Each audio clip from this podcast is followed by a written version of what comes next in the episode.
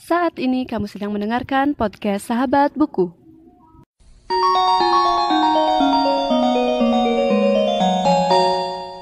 Halo semuanya dan selamat datang kembali di podcast Sahabat Buku. Dan di episode kali ini aku sedang berkolaborasi dengan Satya Verdi yaitu salah satu teman aku dan dia juga seorang fotografer. Dan di pembahasan kali ini kita membahas buku dan juga dunia fotografi. Selamat mendengarkan.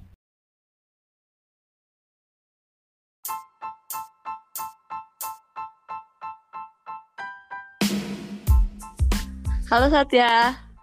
Halo, halo Kaira. Gimana kabarnya nih? Ya, syukurlah baik-baik aja Kak. Terus Kak gimana kabarnya nih? Ya Selama baik. pandemi. juga. Di rumah Keluarga aja. sih, Sehat. keluarga sehat. Oh sehat juga.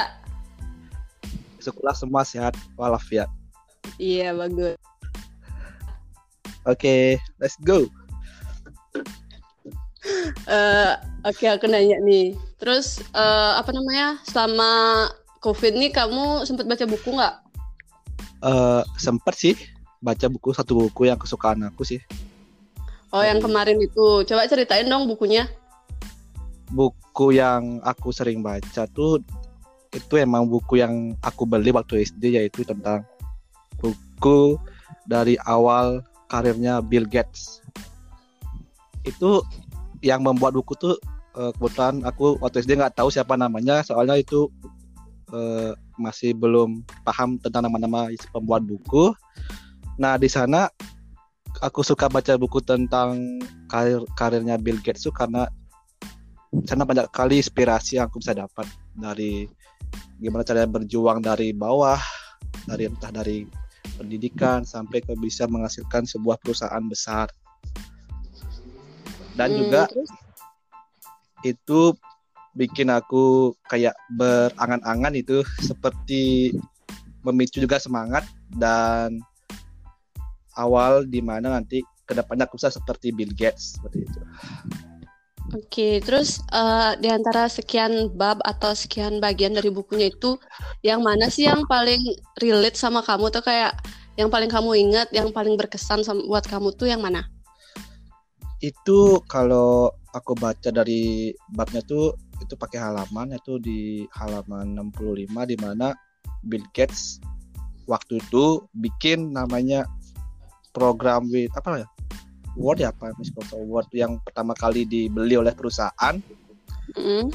Nah di sana dia eh, apa tuh seperti ditolak itu banyak kali yang menolak karyanya dia.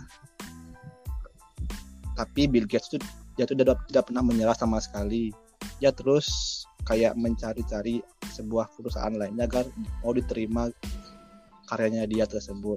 Pantang menyerah dan akhirnya diterima gitu.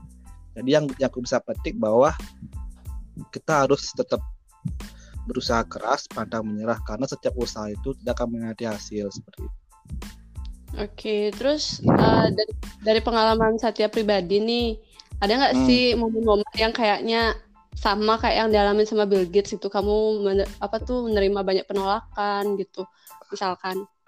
Eh, itu sering terjadi waktu Satya kelas 3 mana Satya tuh memulai karir sebagai eh, foto fotografer amatir Mm. yang Satya tuh mencari kayak berjual jasa foto kayak entah tuh foto untuk dokumentasi dalam rangka acara keagamaan entah itu acara ulang tahun dan pernikahan. Di sana Satya udah mengajukan sampai membuat kartu nama untuk Satya sendiri tapi banyak yang penolakan. Istilahnya kayak masih diremehkan. Soalnya kan baru amatir lah belum profesional itu. Satya tuh gak pernah menyerah. Satya terus kayak bergabung sama sebuah komunitas di Singaraja. Dulu namanya komunitas fotografer Singaraja tuh I- Island Singaraja atau Mata Lensa Singaraja. Di sana Mm-mm. Satya ada kali berkenalan sama teman-teman atau kakak-kakak yang udah profesional sehingga Satya bisalah diajak kayak berkontribusi dalam pembuatan tuh kayak udah job-job tuh Satya diajak ikut dan sana Satya mencari nama itu akhirnya Satya sampai sekarang bisa dipercaya itu Mm-mm. Terus uh, ngomongin fotografi nih, uh, bisa Iya. ceritain nggak dari dari dari mana sih uh, atau dari umur berapa sih Satya belajar fotografi? Untuk masalah tuh ini cukup panjang sih ya, soalnya kan dulu waktu awal kelas 1 SMK tuh kan masih belum paham apa sih kelebihan dan keinginan Satya selama di SMK. Setelah Satya lama-lama ikut organisasi namanya OSIS. Nah, di OSIS itu Satya ikut selama dua periode. Nah, itu kan Satya ikut jadi OSIS. Itu kan setelah ujian setelah bukan jadi setelah UAS ujian akhir semester itu kan ada nama jeda semester. Mm-mm. Di sana ada kegiatan untuk saling refreshing untuk siswa-siswa lainnya setelah ujian. Ada kegiatan seperti lomba futsal, lomba akustik segala macam. Mm-mm. Panitiaannya dari OSIS. Nah, kebetulan Satya sana menjadi eh, kayak di panitia di bidang publikasi dan dokumentasi. Karena pertama kali mengenal oh oh kayak gini loh kamera sudah saja sana belajar sama teman-teman yang sudah ahli yaitu teman-teman yang dari yang diambil dari jurusan multimedia itu pun Satya belajar otodidak sendiri entah Mm-mm. nanya ke, ke mereka sampai Satya tuh nyewa kamera per hari itu 50.000 ribu. Aka, eh, itu udah Sat- Satya tuh selalu menyewa kamera setiap hari. Satu hari itu 50 kali 30 berapa tuh ya? Berapa kali tiga ya lima iya ratus. setiap hari itu.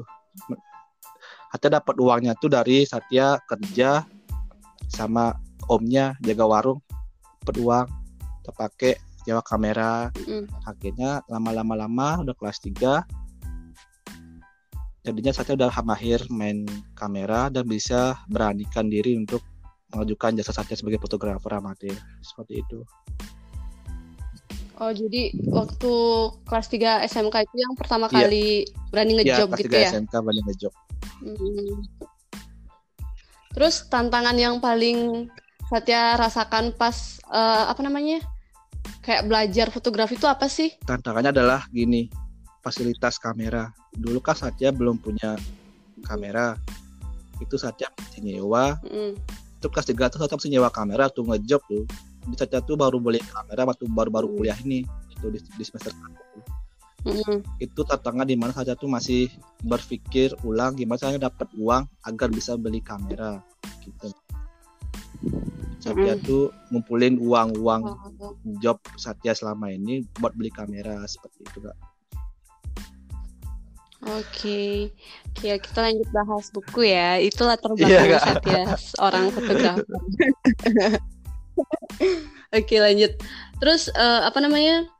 Kamu tuh kalau misalnya baca buku Hmm. nih, lebih suka baca yang fiksi, yang kayak cerita-cerita gitu, atau yang non fiksi, yang mungkin tentang tutorial atau kayak biografi aku gitu. sukanya yang fiksi sih kak karena di Hmm, karena di tuh? sana dari sebuah cerita kita bisa mengutip eh, dari dari cerita yang kita yang kita baca itu apakah itu benar-benar bisa buat kita ke depannya lebih baik atau tidaknya karena setiap penulis buku itu pasti memiliki ciri khasnya masing-masing kan kebetulan saya tuh mm-mm. mengidolakan Jerome Pauline itu youtuber. Pantapu Jiwa dari bukunya itu Nah, udah saya tunggu-tunggu dari awal dirilis sampai sudah dirilis. Wah itu sangat amazing ya buat saya itu sangat sangat, sangat ditunggu-tunggu kali dari awal karena sana tuh diceritakan bahwa dari awalnya Karin awal awalnya Kak Jerome Pauline itu jadi youtuber sampai awal pendidikannya pun sampai jatuh dapat beasiswa di Jepang tuh sangat saya tuh sangat apa ya sangat mengaguminya gitu dengan usaha-usaha dia gitu mm, sampai Satya akhirnya kayak pengen seperti dia gitu. sukses dengan sebuah jalan yang berbeda entah itu dari Satya sebagai latar belakang sebagai fotografer atau gimana yang penting Satya bisa ke depannya itu jadi orang yang sukses dan bisa membanggakan orang tua seperti itu. Iya bener banget sih. Dan aku udah baca juga kemarin kan sempat minjem tuh buku Mantapku Jiwanya Jerome, Jerome Pauline. Jadi kan banyak tuh diceritain kayak jatuh bangunnya dia Ah, sebelum ke iya, Jepang benar. gitu. Terus eh, ada gimana ya? Ada keinginan nggak sih buat misalkan kayak kuliah ke luar negeri atau ya jadi fotografer yang lebih keren lagi oh lah gitu kebetulan untuk nanti kan ada kayak ini waktu itu saya dapat informasi dari ketua jurusannya bahwasannya setiap tahun itu ada namanya pro- program untuk S2 ke Taiwan. Nah, itu saya juga saya dapat Mm. informasi dari eh, Bapak Dekan fakultasnya juga bahwasanya saya Mm. Satya tuh langsung di, dimintain tolong untuk khusus bahasa Inggris supaya bisa lolos ke Taiwan. Karena di jurusan tuh Oke. jurusan desain komunikasi visual itu sangat diperlukan di Taiwan. Yaitu universitas di mana universitas itu dibentuk oleh sebuah lembaga industri di bagian bar- bat- baterai aluminium kalau nggak salah apa apa itu lupa namanya. Jadi itu kalau kayak jurusan desain komunikasi itu media iklan. Nah, media iklan itu kayak mempromosikan sebuah eh, produk-produk dari mahasiswa yang dibuat nanti di sana seperti itu. Oke, terus eh, apa namanya? Jadi jadi sekarang nih Satya fokus belajar bahasa Iya, Inggris masih- gitu ya? Karena masih program belajar fokus soalnya kan saya ditun supaya makanya pengennya juga mau ke Jepang sih tapi mau lanjut dulu ke S2 gitu. Siapa tahu dapat Oh, gitu. pengalaman nanti bisa sudah Ah. ke Jepang gitu, kerja. Mm-mm. Terus eh, gimana nih kiat-kiat belajar bahasa Inggrisnya selama eh, program apa tuh kayak ngejar program ini? Ada tipsnya nggak atau apa sih yang Satya rasain selama belajar itu? Apa sih susahnya? Apa sih tantangannya gitu? Untuk masalah belajar bahasa Inggris, eh, Satya tuh sering belajar otodidak lewat YouTube sama lewat Mm. eh, teman-teman juga sama juga lewat tantenya juga tantenya kan jualan eh, kayak bekerja di restoran di Lovina tuh dia sering Mm. ketemu-ketemu bule bule itu kan sering ngomong, ngomong bahasa Inggris udah saya Satya tuh Mm. sering minta saran ke dia kayak gimana sih cara ngomong bahasa Inggris biar lancar atau gimana kayak les privat ke keluarga itu istilahnya itu dan kesulitannya itu adalah Mm. saat kita tuh eh, belajar untuk gini apa namanya supaya cepat memahami apa jawaban dari orang yang kita ajak bicara nanti. Soalnya kan Satya tuh baru belajar dari awal nih dari dasar. Entah itu dalam eh, kayak contohnya kayak salam terus nanya sesuatu yang penting atau semacamnya kan itu perlu perlu apa tuh perlu penguasaan yang benar-benar harus udah benar-benar lama itu kayak lesnya tuh itu sangat sangat bagi Satya sih Mm-mm. menurut Satya soalnya itu perlu waktu yang lama juga apalagi Satya nanti tahun depan udah wisuda harus kerja target supaya tahun depan tuh sudah bisa benar-benar matang dalam bahasa Inggris Oke. Terus nyambung nih ke bahasa Inggris. Kamu pernah nggak sih baca buku cerita atau baca buku yang berbahasa Inggris gitu yang ya di luar bahasa Indonesia gitu? pernah sih baca buku tentang ini Harry Potter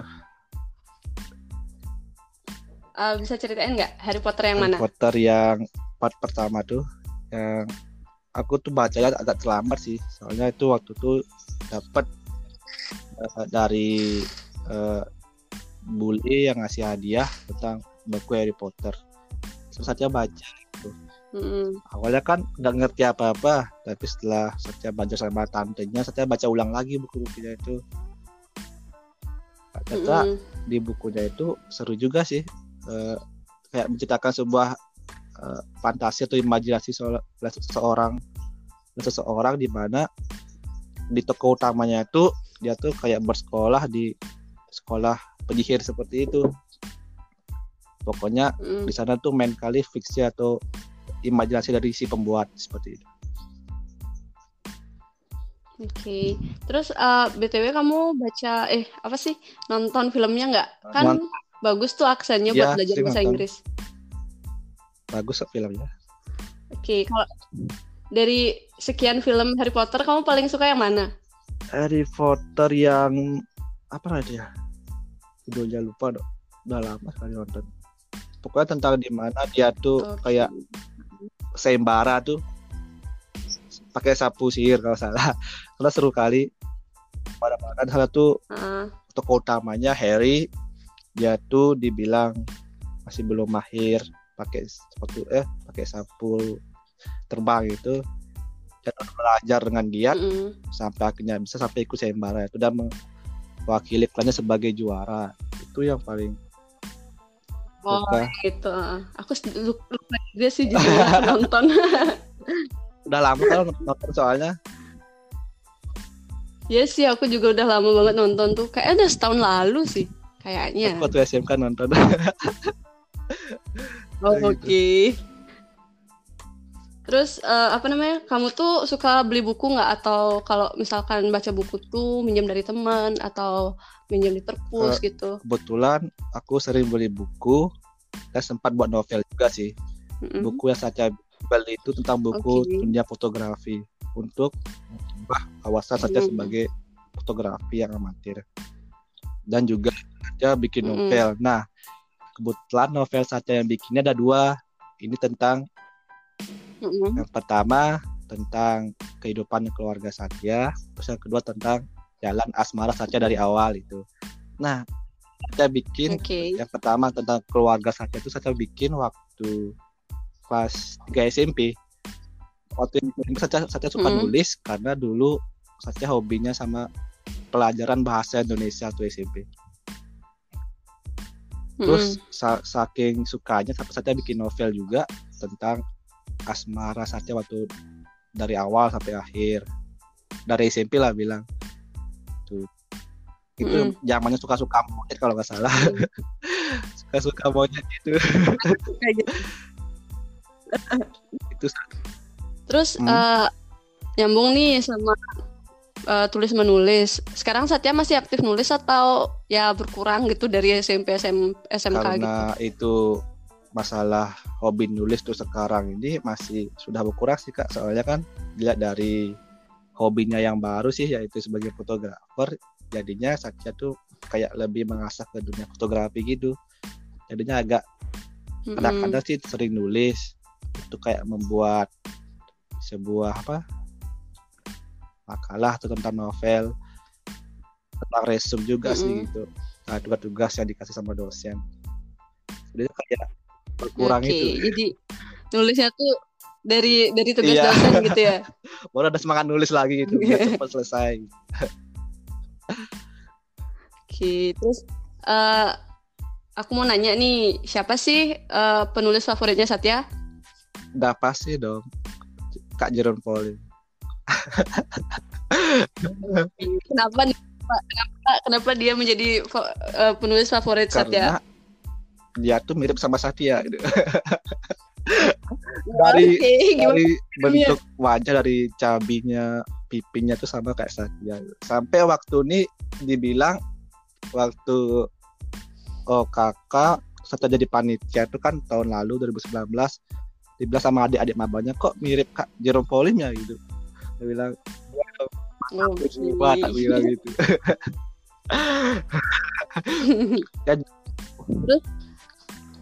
itu juga Gimana? bukan selain itu juga tapi selain dari sifatnya dia yang sering ngasih motivasi juga ke orang-orang agar selalu menjadi orang yang baik terus berprestasi bagi-bagi pelajar juga dan jangan pantang menyerah sebelum kamu menggapai mimpi-mimpi kamu yang kamu kejar selama ini jadi selama kita masih punya mimpi kita selalu ke, itu kita kejar selalu jangan sampai kita berhenti di pertengahan jalan seperti itu Oke. Heeh. Terus misalkan nih, misalkan Satya ketemu Kak Jerome Pauline. Satya mau ngapain sih atau mau mau nanya apa gitu sama kakaknya? jika saja bertemu sama Kak John Paul itu yang pertama kali ya kakak gini apa tuh apa ya bilang ya kayak pastilah seneng banget terus tapi nggak alas sih senengnya biasa aja senengnya kayak nggak apa tuh minta saran untuk sebagai kita sebagai mahasiswa. Bagi Kak Jerome Pauline tuh balik tadi menjadi mahasiswa yang ke depannya bisa berprestasi dan bisa sukses itu dengan cara apa yang kita bidangi selama ini. Soalnya kan banyak nih yang zaman sekarang dari misalnya dari SMK nih ngambil jurusan A tapi waktu di kuliah melenceng sama jurusan A malah pilih jurusan B nah itu kan kayaknya mm. dia tuh bakalan berubah arah setiap dia tuh ada di lingkungan barunya jadi gimana caranya supaya mm. uh, bikin dari hal yang baru tuh menjadi sebuah kebiasaan di mana ke depannya kita menjadi orang sukses dengan kebiasaan itu seperti itu. Oke, terus uh, Satya bisa nggak ngasih satu dua buku rekomendasi buat teman-teman yang dengar? Ceritain deh bukunya kayak gimana?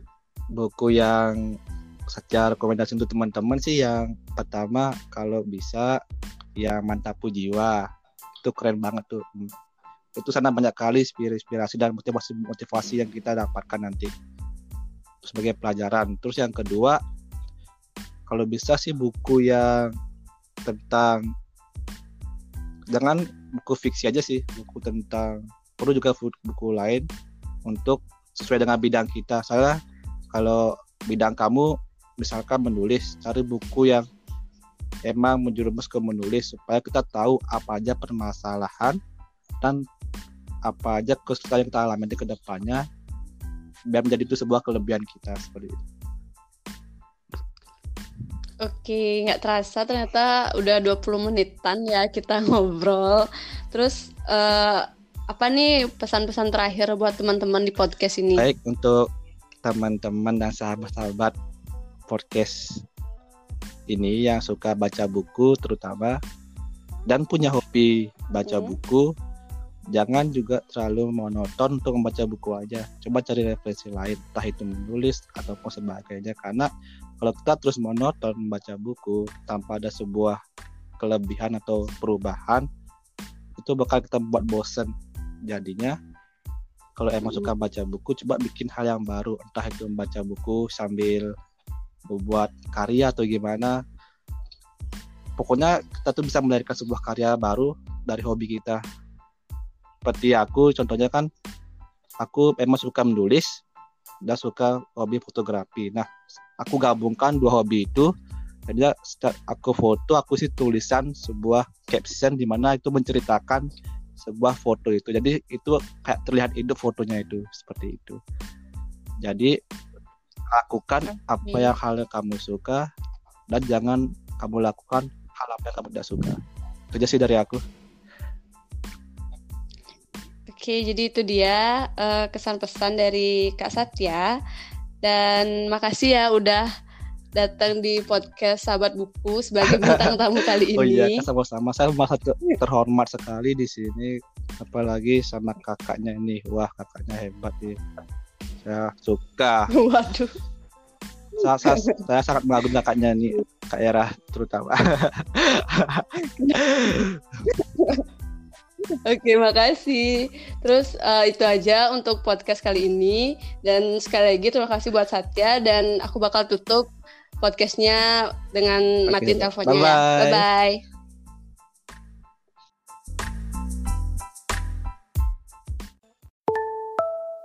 Terima kasih sudah mendengarkan podcast Sahabat Buku. Bagi pengguna Spotify, jangan lupa follow. Dan pengguna Apple Podcast, jangan lupa subscribe supaya bisa mendengarkan semua episode baru dari podcast Sahabat Buku. See you in the next episode.